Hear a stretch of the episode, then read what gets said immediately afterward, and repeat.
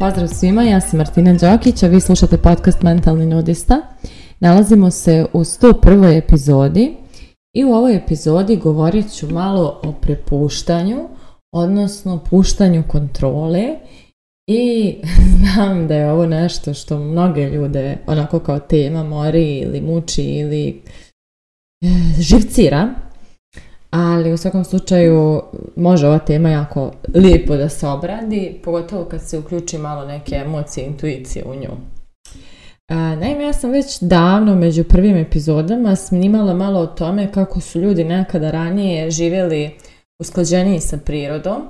koliko smo recimo i naš bioritam je jeli, bio skroz usklađen sa prirodom, legali, e, zimi smo spavali duže jer je mrak i hladno je, Ljeti smo više bili napolje, obrađivali zemlju kao i proljeće, jesen i tako dalje. I prosto cjelokupni bioritam čovečanstva je bio potpuno usklađen sa prirodom. To uključuje i to da, eh, da smo negdje i, svo, i sat recimo nismo puno gledali, nismo recimo kalendare, datume, to toliko nije bilo bitno, više se pratila vremenska prognoza, pratilo se to ili toplo, ili hladno, ili kiša, ili grad i slično, a ujedno i postojala je neka vrsta saradnje sa prirodom, ne samo usklađenost, nego i saradnja na raznim nekim poljima. Kada kažem saradnja, mislim na to da, na primjer, čovjek e, uzgajao sam hranu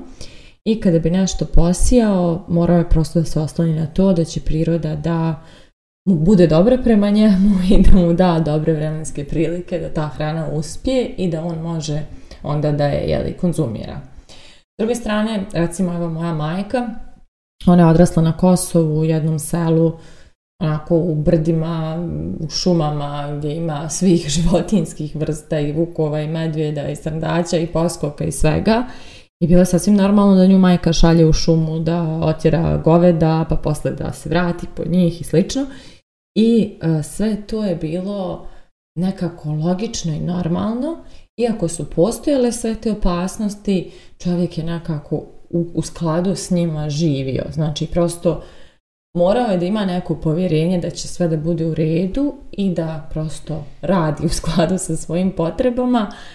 i da pusti stvari da se dese kako treba da se dese ili kako moraju da se desi.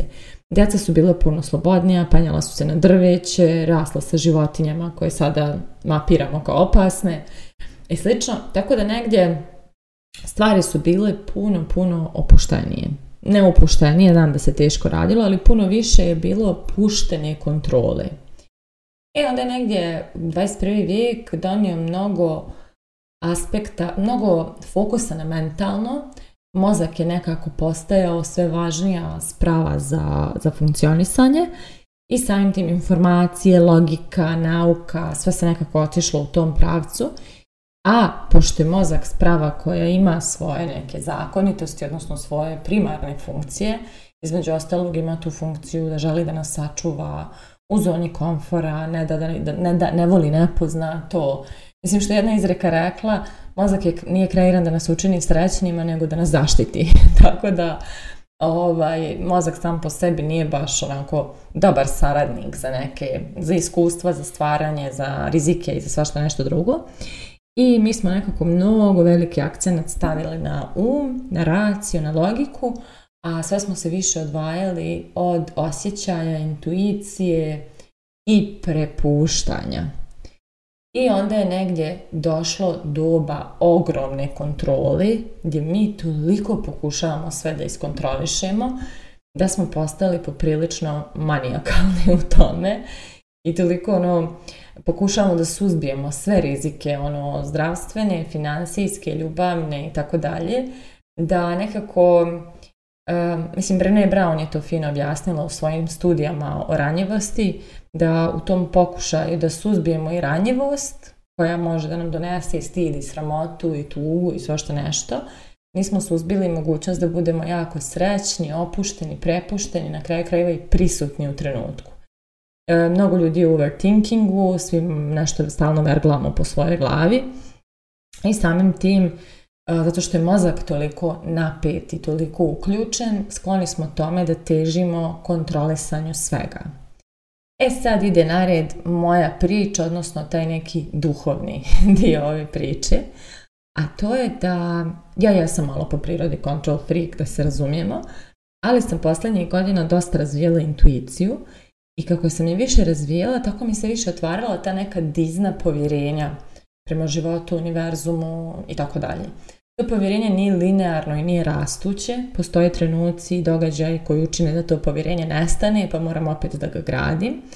ali sve više i više iz godine u godinu u meni postoji ono naše staro dobro, ko zna zašto je to dobro, Odnosno, više puta mi se pokazalo da kada stvari ne idu onako kako sam ja zapela da iskontrolišem da se desi, često mogu da se desi na mnogo jednostavniji, ljepši, pametniji, ispravniji način po mene, nego tako kako sam ja zamislila da je put do njih. I onda to povjerenje, to prepuštanje višim silama je nešto što stvarno može da proizvede mnogo veći efekat, mnogo brži efekat od naše potrebe da iskontrolišemo svaki korak, svaki način, svaki, svaki put kojim ćemo ići. ja imam tetovažu koja o tome priča i imam taj, e, imam bukvalno tetovažu koja govori o tome da kada sve što se dešava u sadašnjosti, često ne vidimo cjelovito, često nam se čini da je grozno, da je loše, da je pogrešno, da je promašaj, da je greška i slično ali kada dobijemo širi kontekst, kada se odmakne dovoljno vremena i kada se spoje sve kockice, odnosno sve tačkice povežu, doći će do toga da je sve to bila ljubav koja dolazi od ozgo. Odnosno da su sve, sva ta skretanja zapravo bila baš skretanja u pravom smjeru. I nedavno sam gledala baš video Anje Bučević e, na temu toga kako je upoznala sadašnjeg muža i stvarno ispričala jednu fenomenalnu priču. I taj video me podsjetio koliko slušanje osjećaja, a ne racija, zna brže da odvede do pravog ishoda. Ja sam malo vrtila film na neke i ljude i situacije koje su bile fantastične, kao kako se ljudi baš tu sreli, baš na taj način, ili kako se baš ovo desilo, baš na tom mjestu i tako dalje.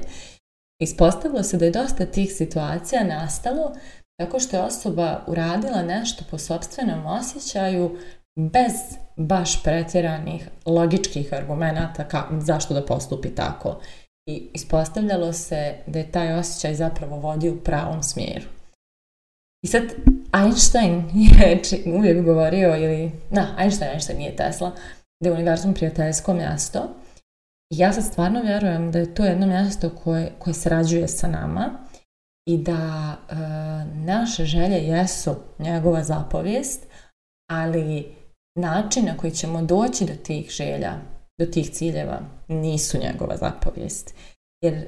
univerzum, odnosno Bog, odnosno kogod u šta vjeruje, od vidi cijelu, recimo ako gledamo kao igru šaha, cijelu šahovnicu sa svim figurama i vidi koji su potezi pravi, a mi smo često samo iz perspektive te figure gledamo i vidimo samo svoj potez, ne vidimo sve ostale i nije nam jasno zašto se dešava taj potez, ne shvatajući da taj potez zapravo kreira pobjedu. Nama se čini kao ogroman rizik ili kao mnogo pogrešan ili kao ne trebamo u tu stranu. A u suštini baš taj potez je ključni da dođemo do cilja. I samo tom filozofijom, samo tom logikom, ako krenemo da univerzum shvatamo kao prijateljsko mjesto, mi možemo polako početi da puštamo svoju kontrolu i da čak i one neke teške stvari koje se desi pokušamo da razumijemo na način da nam služe, da se dešavaju za nas, a ne nama. Ja sam mnogo puta u životu takvu perspektivu primijenila Mnogo puta sam nešto što je boljelo pustila da malo odboli, pa onda jako brzo dala tome značenje koje mi je baš bilo potrebno, odnosno spoznavala na koji način je baš ta situacija meni donijela resurs koji mi je neophodan za neki naredni korak koji je meni važan i uglavnom se ispostavljalo da je upravo baš tako. Tako da zaista um, ukoliko izgradimo jače povjerenje sa ovim univerzumom u kojem živimo, a živimo u univerzumu, on, on, on nije izmišljotina, on doslovno postoji, galaksija postoji, kosmos postoji. Um, I koliko mislimo da je naš život sa nekim smislom ovdje, to ćemo lakše puštati kontrolu. To ćemo lakše dozvoljavati da neka skretanja zapravo budu da, da prosto da uživamo u njima iako nam se čini da nisu u pravom smjeru, odnosno da sa uzbuđenjem pristupimo tome šta bi to skretanje moglo da nam donese, umjesto sa frustracijom, jeli? Tako da, um, puštanje kontrole zapravo može da predstavlja puštanje otpora, jer mi kada pokušavamo na silu da iskontrolišemo korake,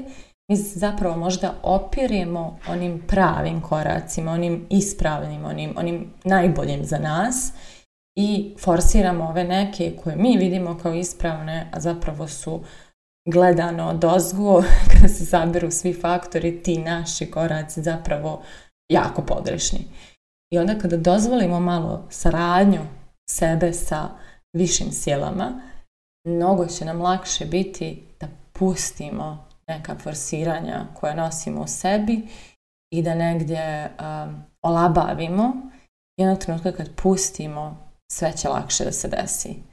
Jer mnogo, mnogo vremena i mnogo živaca znamo da potrošimo forsirajući nešto što je jako pogrešno. Bilo da je to odnos, bilo da je to posao, okruženje, situacija neka, želja ili šta god cilj, ako forsiramo to i, i kontro, ono sa željom da iskontrolišemo ishod, mi sve vrijeme zapravo u tom procesu se nalazimo u stanju očaja. Znači uopšte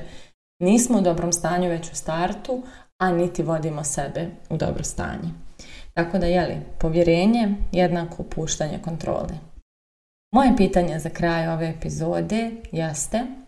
gdje tu ne puštate kontrolu, a valjalo bi se malo prepustiti. Mislite o tome, a mi se družimo u narednoj epizodi.